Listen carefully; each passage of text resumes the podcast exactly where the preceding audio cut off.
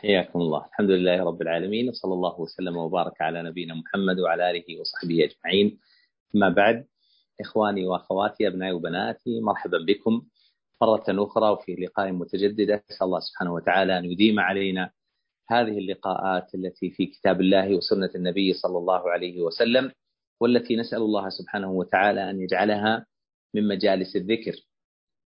ومن رياض الجنة التي قال فيها النبي صلى الله عليه وسلم إذا مررتم برياض الجنة فارتعوا. قالوا وما رياض الجنة يا رسول الله؟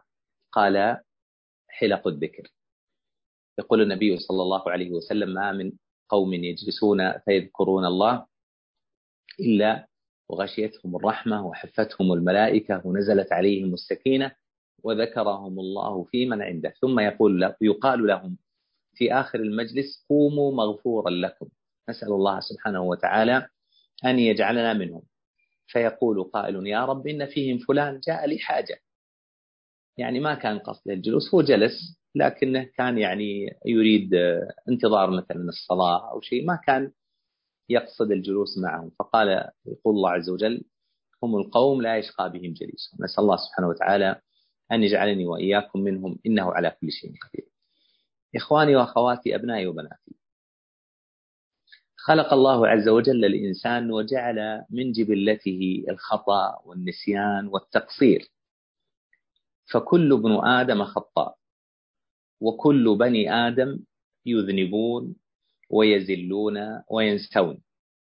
كما قال النبي صلى الله عليه وسلم نسي آدم ونسيت ذريته. فالله عز وجل كتب على كل واحد منا قضاء كونيا قدريا أنه لا بد أن يخطئ وأن يقصر. لذلك قال النبي صلى الله عليه وسلم يقول عليه الصلاة والسلام لو لم تذنبوا لذهب الله بكم وأتى بقوم يذنبون. يعني هذا شيء كتبه الله عز وجل كونا وقدرا علينا. صار من طبيعتنا أننا نذنب وأننا نخطئ وأننا نقصر. لكن من رحمة الله عز وجل أن الله عز وجل جعل لنا بالمقابل ما يغسل كل هذه الذنوب ما يمحو كل هذه الذنوب ما يقلب هذه الذنوب بدل السيئة إلى حسنة وهي أو ومنها أن جعل الله عز وجل لنا مواسم الخير ومواسم البر ومواسم الطاعات ومواسم الرحمات التي جعلها الله عز وجل لعباده يقول الله عز وجل وربك يخلق ما يشاء ويختار الله عز وجل خلق الخلق وفضل بعضه على بعض. فمما فضله الله عز وجل على غيره أن فضل بعض الأيام وأن فضل بعض الشهور وأن فضل بعض المواسم. فالله عز وجل فضل الجمعة ويوم العيد يوم الأضحى ويوم الفطر على غيرها من الأيام. وفضل الله سبحانه وتعالى شهر رمضان والأشهر الحرم على غيرها من الأشهر.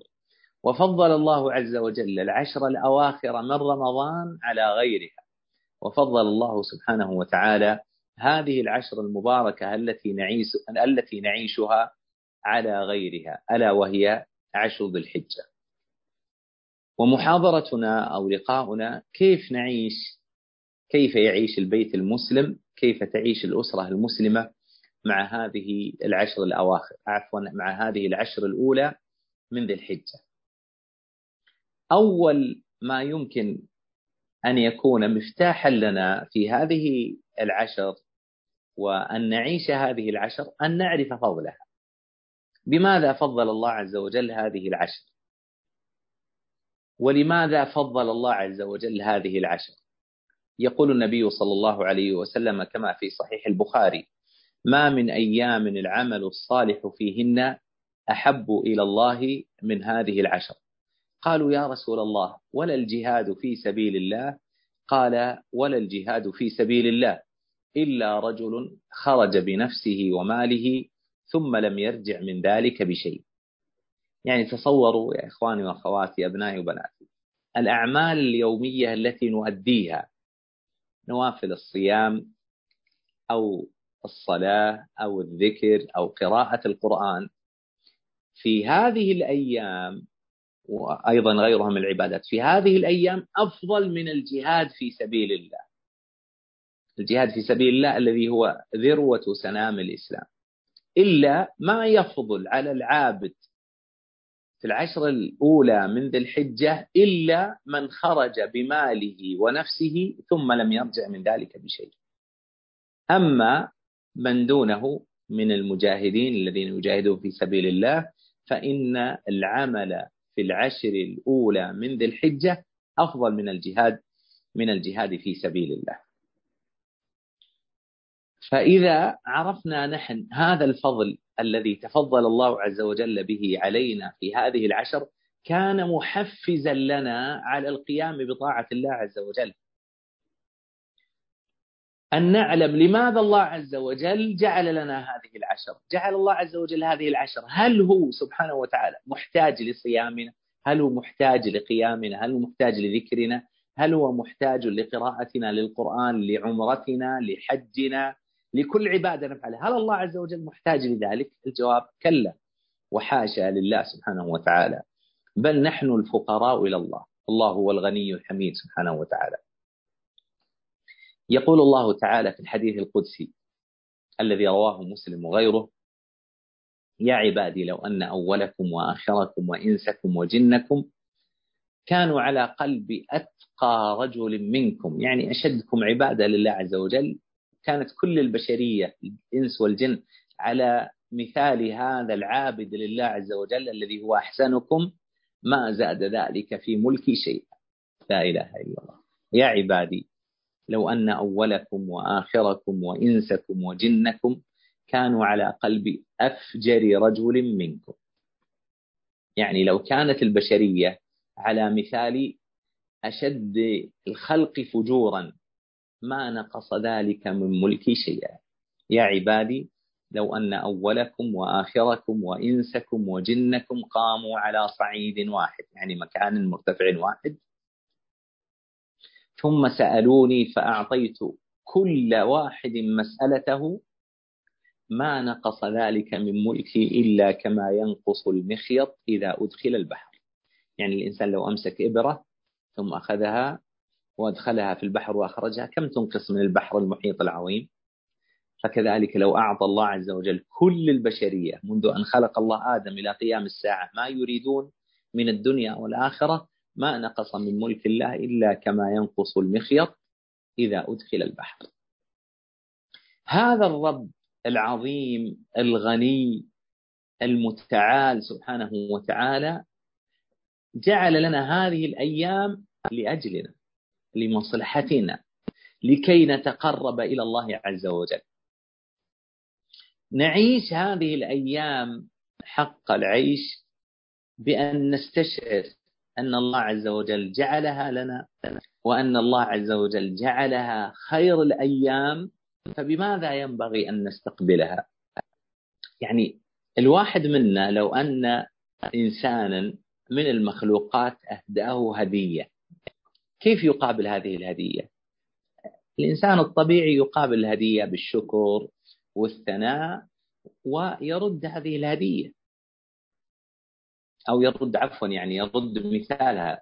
ليس المراد يردها يعني إنه ما يقبلها يعني يرد مثالها على صاحبه. وتجد بعض الناس كثير من الناس لما تجي مناسبة يقول تذكر فلان أهداني الهدية الفلانية من المناسب في هذا الوقت أن أرد هذه الهدية؟ لأن هذا من الشكر ومن جميل الشكر.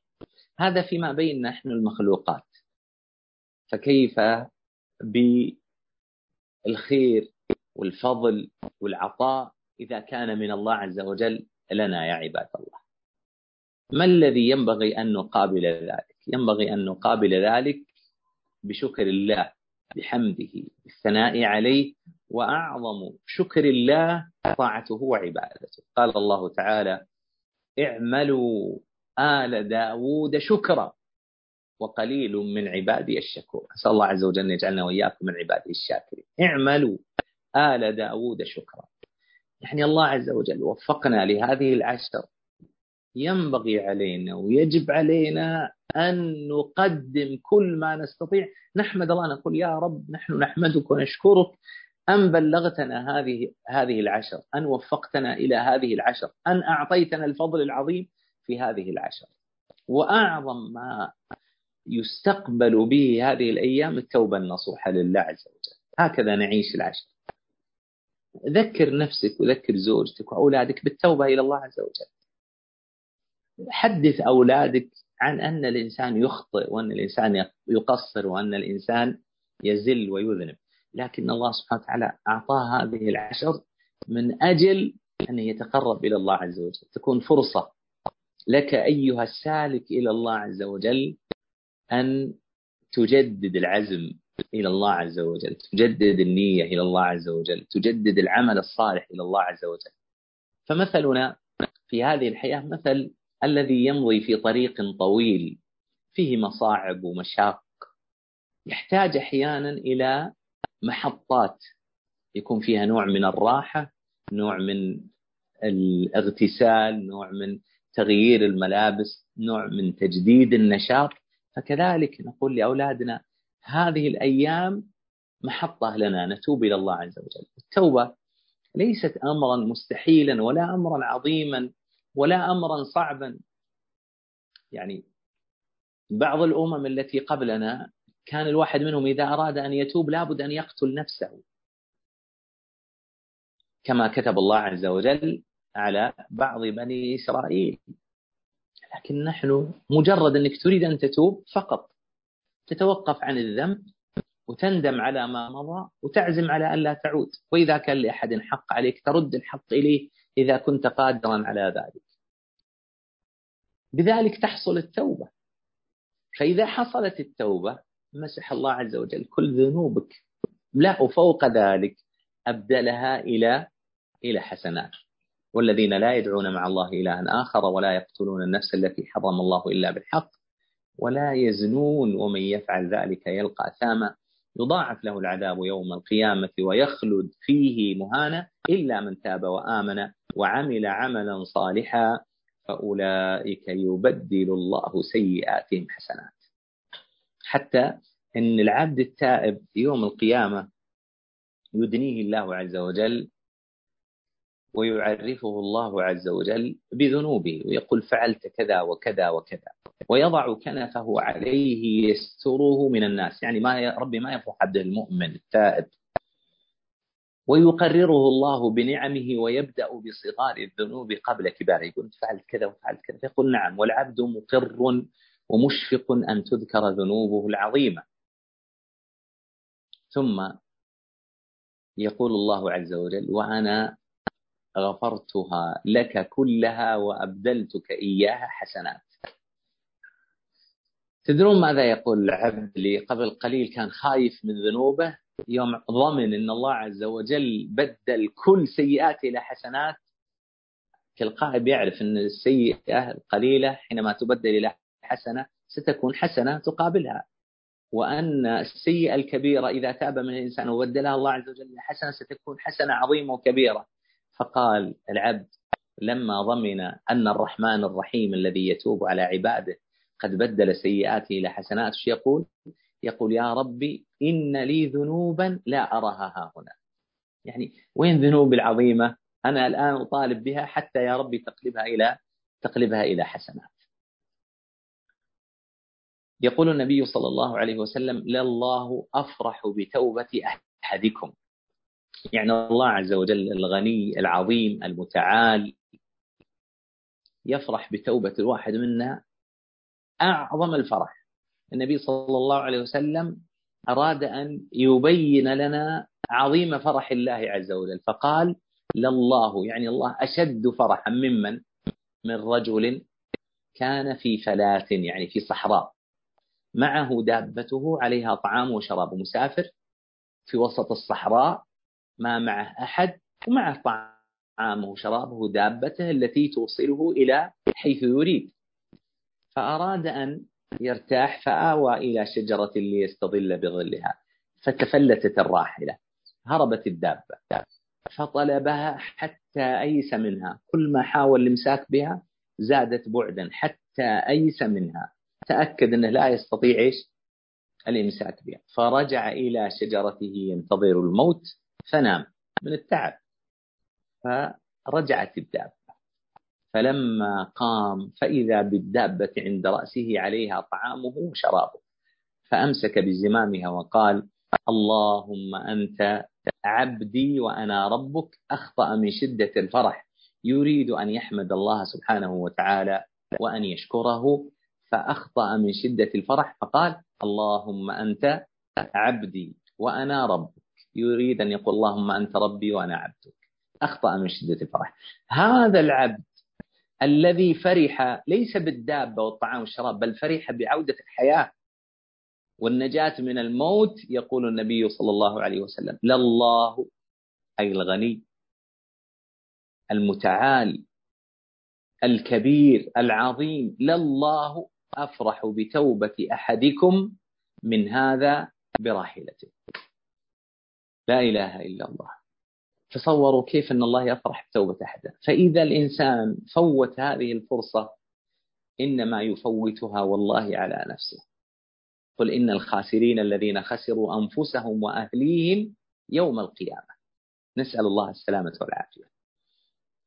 من الوسائل التي نعيش بها هذه العشر المباركة أن نتعلم ونعلم أسرتنا ما فيها من الأعمال الصالحة التي يمكن الإنسان أن يستغلها. وأعظمها وأولاها حج بيت الله الحرام. قال الله عز وجل ولله على الناس حج البيت من استطاع إليه سبيلا وقال سبحانه وأتم الحج والعمرة لله فالله عز وجل أوجب علينا الركن الخامس من أركان الإسلام. يقول النبي صلى الله عليه وسلم بني الإسلام على خمس شهادة أن لا إله إلا الله وأن محمد رسول الله وإقام الصلاة وإيتاء الزكاة صيام رمضان وحج بيت الله الحرام لمن استطاع إليه سبيلا. فهو الركن الخامس حتى إن بعض العلماء قالوا إن الذي يجد القدرة على الحج ولا يحج أنه ليس بمسلم. لقول عمر بن الخطاب رضي الله عنه وقد أرسل إلى أولياء إلى ولاة الأمصار انظروا من كان له جدة يعني قدرة على الحج فلم يحج فاضربوا عليهم الجزية. ما هم بمسلمين؟ ما هم بمسلمين. يقول الله عز وجل وللناس ولله على الناس حج البيت من استطاع إليه سبيلا ومن كفر فإن الله غني عن العالمين. سبحانه وتعالى. وهذا الحج إذا بينا لأولادنا وجوبه وفضله وعظيم قدره في الإسلام وفي شرع الله عز وجل. يحسن بنا أن نذكر أولادنا ونذكر أسرنا بأصل تشريعه كيف أن الله عز وجل شرعه. فإن في ذلك أعظم الأثر علينا وعلى أزواجنا وعلى أولادنا. روى البخاري ومسلم في صحيحيهما.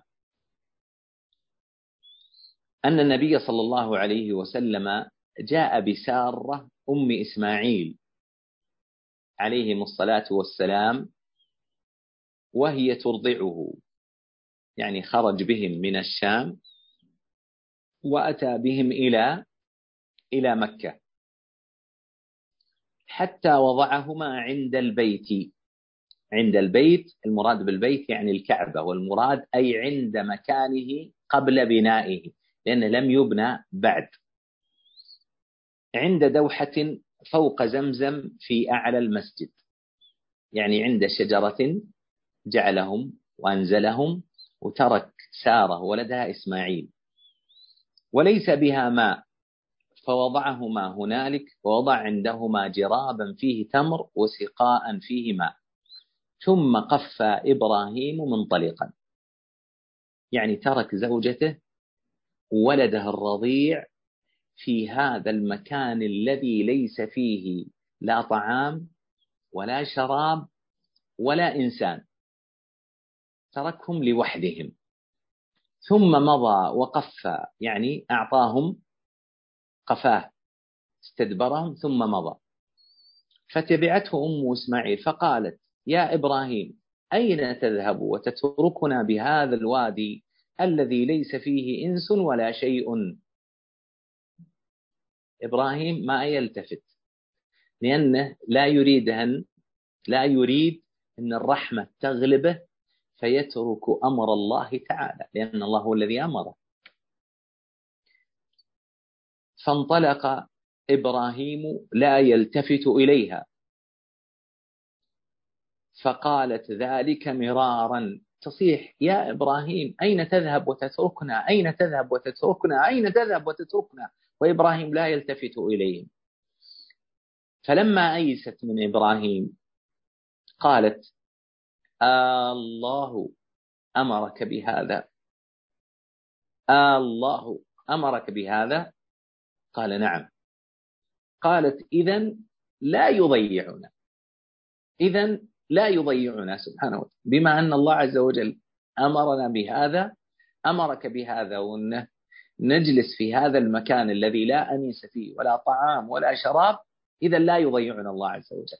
يعني انظروا يا إخواني وأخواتي وأبنائي وبناتي التوحيد العملي، الثقة بالله، التوكل على الله، إحسان الظن بالله سبحانه وتعالى، الرجاء في الله سبحانه وتعالى، كل هذه المعاني في قول هذه المرأة الصالحة إذا لا يضيعنا.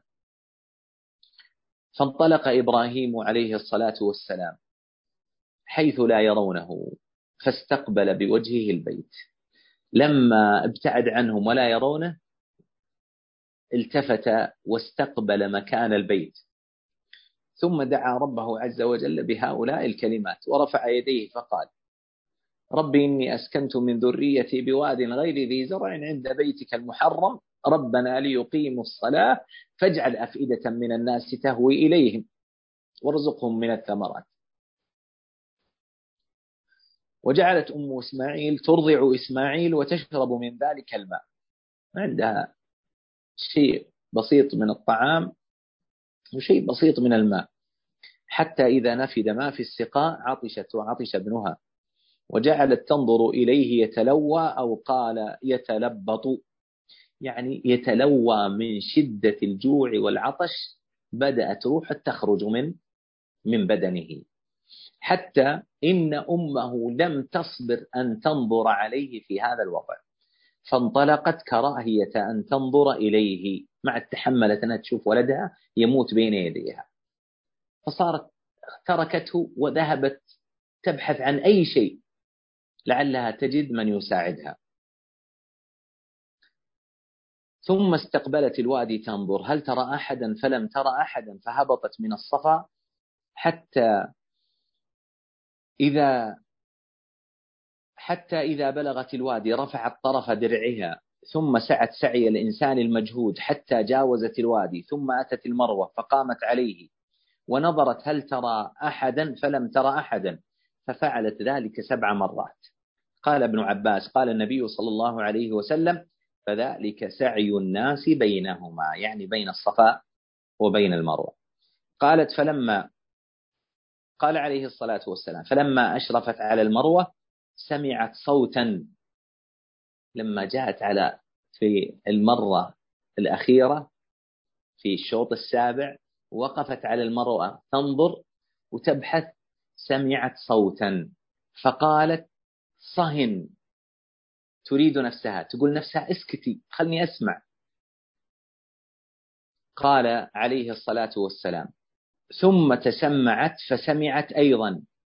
يعني سكتت تريد أن تسمع هذا الصوت. أين هذا الصوت؟ ثم قالت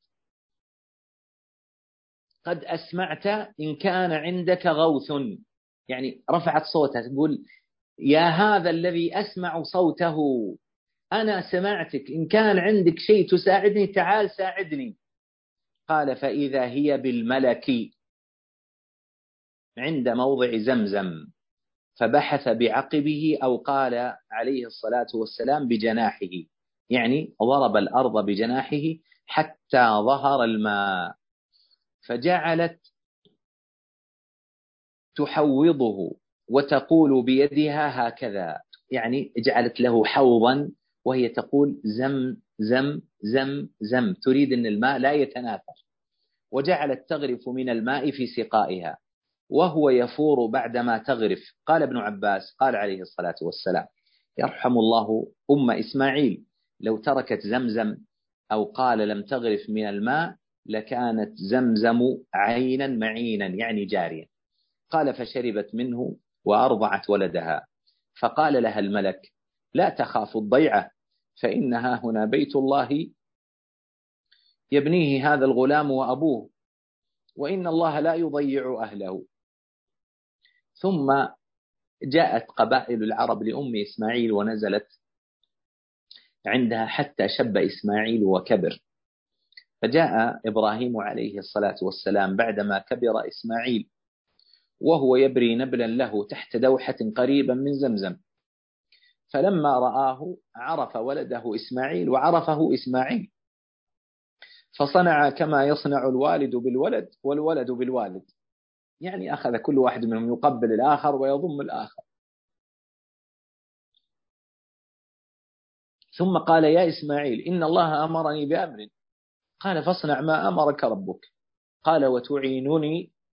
قال وأعينك. قال فإن الله أمرني أن أبني هنا بيتا.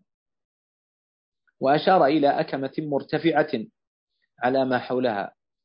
قال فعند ذلك رفع القواعد من البيت فجعل إسماعيل يأتي بالحجارة وإبراهيم يبني. حتى إذا ارتفع البناء جاء بهذا الحجر فوضعه له فقام عليه وهو يبني وإسماعيل يناوله الحجارة. وهما يقولان ربنا تقبل منا إنك أنت السميع العليم. ربنا وجعلنا مسلمين لك ومن ذريتنا أمة مسلمة لك وأرنا مناسكنا وتب علينا إنك أنت التواب الرحيم. ربنا وابعث فيهم رسولا منهم يتلو عليهم آياتك ويعلمهم الكتاب والحكمة ويزكيهم. إنك أنت العزيز الحكيم. تصوروا يا أبنائي وبناتي إخواني وأخواتي أن كل واحد منا يقص هذه القصة على أولاده. ما أثر هذه القصة على أولاده واستحضارهم؟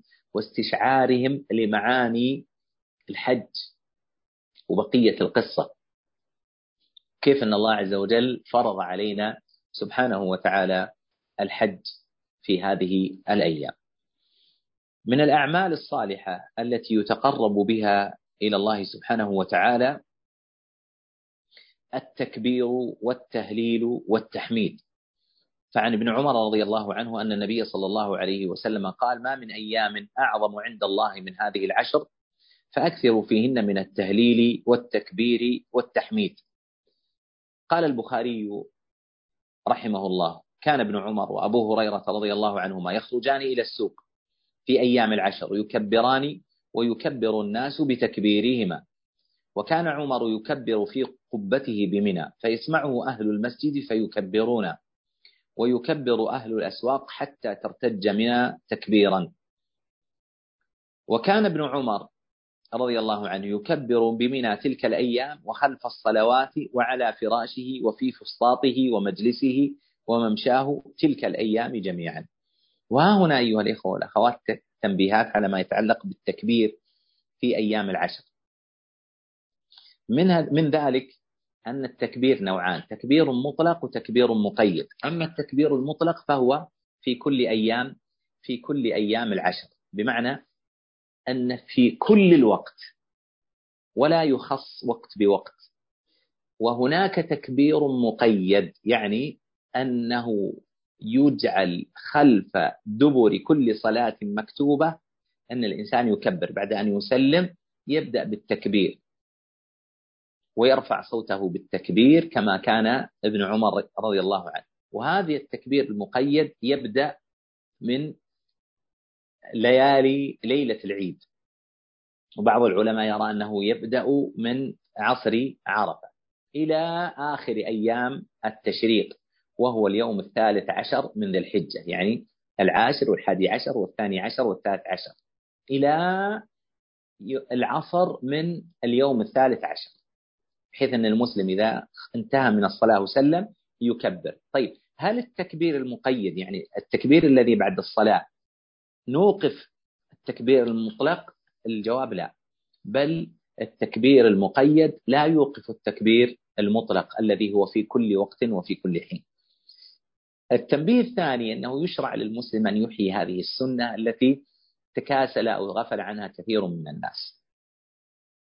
فإن النبي النبي صلى الله عليه وسلم كما في صحيح مسلم يقول من سن في الإسلام سنة حسنة فله أجرها وأجر من عمل بها إلى يوم القيامة لا ينقص من أجورهم شيئا. هذا العمل المراد به إحياء السنة. الإنسان وهو خارج إلى المسجد إلى السوق في عمله في وظيفته في شركته في بيته على فراشه يكثر من التكبير حتى يتذكر الناس التكبير فيكبروا بتكبيره فنغنم بذلك. أولا إظهار السنة وإحياء السنة ونجعل الناس يكبرون ونأخذ مثل حسناتهم. وإذا ذكرت أحدا بهذا الفضل وهذه العبادة يكتب لك الأجر إلى قيام الساعة. يعني قد أحد يتذكر هذه العبادة ويعلمها من بعده والآخر يعلمها من بعده وهكذا تكتب لك إلى قيام الساعة. نسأل الله الكريم من فضله. من الأعمال الصالحة التي يتقرب بها إلى الله سبحانه وتعالى في هذه العشر الصيام. وقد ثبت عن أبي هريرة رضي الله عنه أن رجلا سأله هل أصوم هذه العشر؟ والمراد بصيام العشر يعني أن يصوم الإنسان تسع أيام لكن يقال العشر من باب التغليب. فقال أبو هريرة هل عليك شيء من رمضان؟ قال نعم قال صم الذي عليك من رمضان ثم صم ما شئت من هذه العشر. فيشرع للمسلم أن يصوم هذه العشر ويتأكد صيام يوم عرفة. يقول النبي صلى الله عليه وسلم لما سئل عن صيام يوم عرفة أحتسب على الله أن يكفر به السنة الماضية والسنة القادمة. تصوروا يا إخواني وأخواتي أبنائي وبناتي يعني لو قلنا لأولادنا يعني تصور يوم عرفة 14 ساعة الله عز وجل يكفر عنك ذنوب 720 يوم. سنة ماضية وسنة قادمة. يعني هذه ال 14 ساعة قد يكون نصف الإنسان يكون نائم. ممكن يكون نصف الإنسان نائم. كم بقي؟ بقي سبع ساعات أو ثمان ساعات أو عشر ساعات. ما الذي يضر الإنسان أن يحتسب الأجر أن يذكر نفسه زوجه وأولاده أنه لو فات الصيام شيء من العشر ما يفوت الصيام عرفة. لكن هذا الصيام ليس للحاج. فإن النبي صلى الله عليه وسلم؟ لم يصم يوم عرفة لما كان حاجا ورفع له عليه الصلاة والسلام شراب فشربه أمام الناس حتى يعلم الناس أن النبي صلى الله عليه وسلم لم يكن صائما بأبي وأمي عليه الصلاة والسلام. من الأعمال الصالحة التي يتقرب إلى الله عز وجل في هذه العشر الأضحية. والمراد بالأضحية أن يتقرب المسلم إلى الله عز وجل بالذبح بإراقة الدم. قال الله عز وجل لن ينال الله لحومها ولا دماؤها ولكن ينال التقوى منكم. قال سبحانه فصل لربك وانحر. أي كما تصلي لله وحده فاذبح وانحر لله. وقال سبحانه قل إن صلاتي ونسكي ومحياي ومماتي لله رب العالمين. لا شريك له وبذلك أمرت وأنا أول المسلمين. فالمسلم مأمور بأن يذبح هذه الأضحية إذا لم يكن حاجا ومأمور بذبحها إذا كان حاجا في الهدي أو الفدي. وكثير من الناس يغفل عن أن المراد بالذبح هو إراقة الدم وليس المراد به الصدقة باللحم. الصدقة باللحم يمكن الإنسان يتصدق باللحم طوال السنة وفي أي وقت وفي أي مكان. أما التقرب إلى الله عز وجل بإراقة الدم في يوم العيد وأيام التشريق فهذا المراد به إراقة الدم وليس المراد به صدقة اللحم. لذلك لو أن إنسانا لما وجد الازدحام يوم العيد على الذبح ذهب إلى السوق وأتى بعشر ذبائح مذبوحة وقال أنا أوزعها على الفقراء. هل تقع هذه أضحية له؟ الجواب لا. ولا تصح أضحية لأنها مذبوحة. لكن لو أن إنسانا ذبح أضحيته وهو راجع إلى بيته جاء سارق وسرق اللحم. هل وقعت الأضحية وصحت الأضحية؟ الجواب لا. نعم لأنه وقع ماذا؟ إراقة الدم تقربا لله عز وجل. وينبغي التنبؤ إلى أن كثير من المنتسبين للإسلام للأسف يصرفون هذه العبادة لغير الله. وهذا من من أعظم الظلم وهو من الشرك الأكبر المخرج عن الملة. كالذبح للأولياء والصالحين عند قبورهم ومشاهدهم. قل لهم لماذا؟ قال ليقربونا إلى الله زلفى. نفس حجة المشركين الأوائل. ما نعبدهم إلا ليقربونا إلى الله زلفى. ويعبدون من دون الله ما لا يضرهم ولا ينفعهم ويقولون هؤلاء شفعاؤنا عند الله. فاليوم بعض المنتسبين للإسلام يقول لك أنه يذبح للقبور والمشاهد يريد شفاعة هؤلاء الصالحين. ومن الناس من يذبح لأعداء الله من الشياطين. إذا سكن بيتا أو اشترى سيارة أو مرض له مريض قال له شياطين الإنس والجن إذا أردت أن تدفع الأذى عنك من الشياطين اذبح لهم. فيأتي بالذبح بالذبيحة ويذبحها تقربا للجن والشياطين والعياذ بالله. فصار عابدا للجن والشياطين من دون الله. وقد قال النبي صلى الله عليه وسلم كما في صحيح مسلم لعن الله من ذبح لغير الله. واللعن هو الطرد والإبعاد عن رحمة الله. نسأل الله السلامة والعافية. من العبادات التي يتقرب بها إلى الله عز وجل في هذه العشر كل العبادات الواجبة والمستحبة اليومية.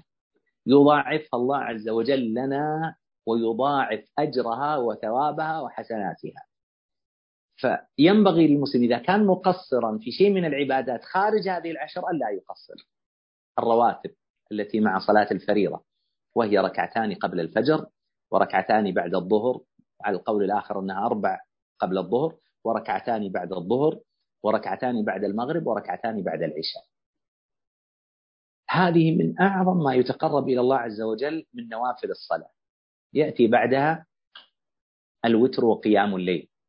كان النبي صلى الله عليه وسلم لا يترك ذلك. ويقول النبي صلى الله عليه وسلم ينزل ربنا في الثلث الأخير من كل ليلة يقول هل من داع فأستجيب له؟ هل من مستغفر فأغفر له؟ هل من تائب فأتوب عليه؟ وذلك في كل ليلة حتى يطلع الفجر. تصورا ملك من الملوك فتح بابه في ساعة أو ساعتين أو ثلاثة وقال اللي يريد شيء يأتي وطلبه مقبول. هل سيتخلف أحد منا؟ ستجد أن كل الناس يأتون ليطلبوا ما يريدون. فكيف بملك الملوك ورب العالمين الذي لا ينقص شيء من ملكه سبحانه وتعالى لو أجاب كل داع سبحانه وتعالى؟ مما يتقرب به إلى الله عز وجل ذكر الله عز وجل قراءة القرآن. إذا كنا مقصرين في الختم وقراءة القرآن في غير العشر ينبغي ألا نقصر في هذه العشر. إذا كنا مقصرين في صلة الرحم بر الوالدين ينبغي أن تكون هذه العشر فرصة لنا أن نجدد العهد بصلة الرحم فرصة لنا أن نزيد في برنا لوالدينا وطاعتنا لوالدينا أحياء كانوا أو أمواتا إن كانوا أحياء بزيارتهم بإهدائهم بتقبيل رؤوسهم وأيديهم بسؤالهم عن حاجتهم بقضاء حوائجهم وبعد مماتهم بالدعاء لهم والاستغفار لهم وصلة الرحم التي لا توصل إلا بهما يعني حينما تصل لإخوانك وأخواتك وأعمامك وعماتك وأخوالك وخالاتك فأنت تبر والديك بعد موتهما. بل وصلة صديقهما. ابن عمر رضي الله عنه رأى أعرابيا وكان في سفر فنزل عن الحمار وأركب الأعرابي وأعطى الأعرابي عمامته فقالوا يرحمك الله إن هؤلاء يردهم الشيء القليل أنت الحين نزلت وأعطيته الدابة وألبست ثيابك أعطيته شيء قليل. قال إن والد هذا الرجل كان حبا لعمر بن الخطاب. مو بالرجل هذا والده. كان حبا لعمر بن الخطاب. مما ينبغي للإنسان أن لا يفرط في هذه الأيام من الصدقة.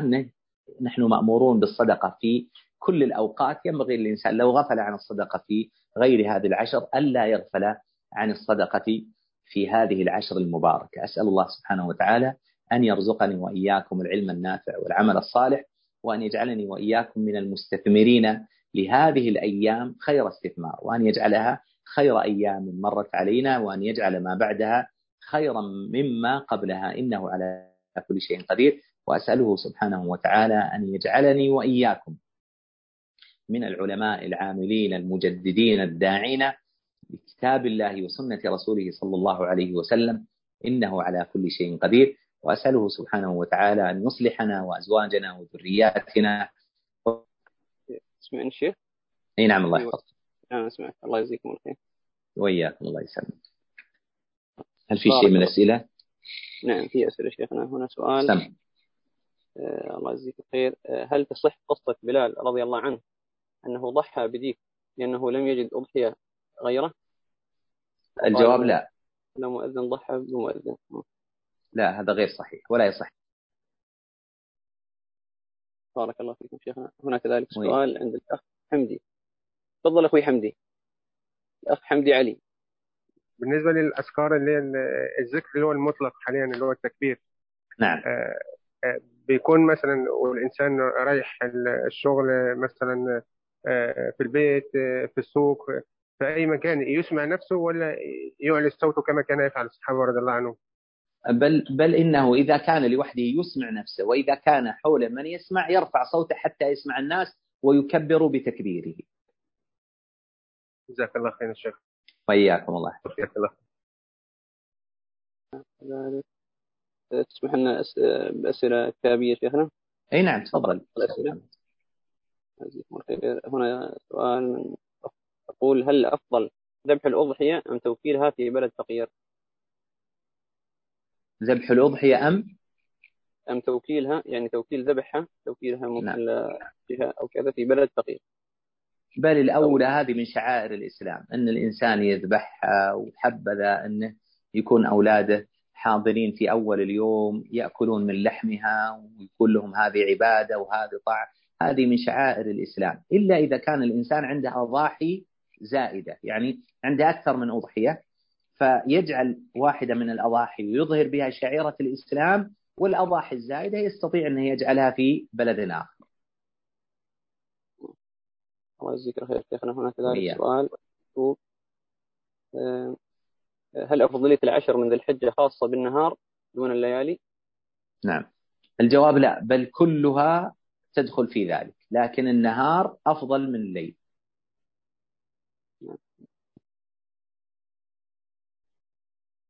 لعلكم أشرتم إلى هذا أن الأخت تسأل أن هل هل من الممكن أن نصوم قضاء؟ هل من الممكن أن نصوم القضاء وبعدها نكمل عشر ذي الحجة؟ نعم يصوم الإنسان القضاء ثم يصوم ما شاء من هذه الأيام العشر نعم, نعم. هنا كذلك سؤال ما هو أفضل الأعمال في هذه العشرة وهل قراءة القرآن أفضل من التكبير والتهليل في هذه الأيام الجواب أن الوقت ليس ضيقا بحيث الإنسان ما يستطيع أن يجمع بين هذه الأمور. بل يفعل مثل ما فعل النبي صلى الله عليه وسلم ويجمع بين هذه الأمور. يقرأ القرآن ويذكر الله ويكبر ويصلي ويصوم ويقوم ويصلي النوافل. يعني عندنا من الوقت ما هو متسع لكل هذه العبادات. ولله الحمد والمنة. لكن لو أضاق الوقت على الإنسان فإن التكبير في هذه الأيام مقدم على قراءة القرآن. لأن النبي صلى الله عليه وسلم نص عليه عليه الصلاة والسلام قال فأكثروا فيهن من التكبير والتهليل والتحميد. نعم.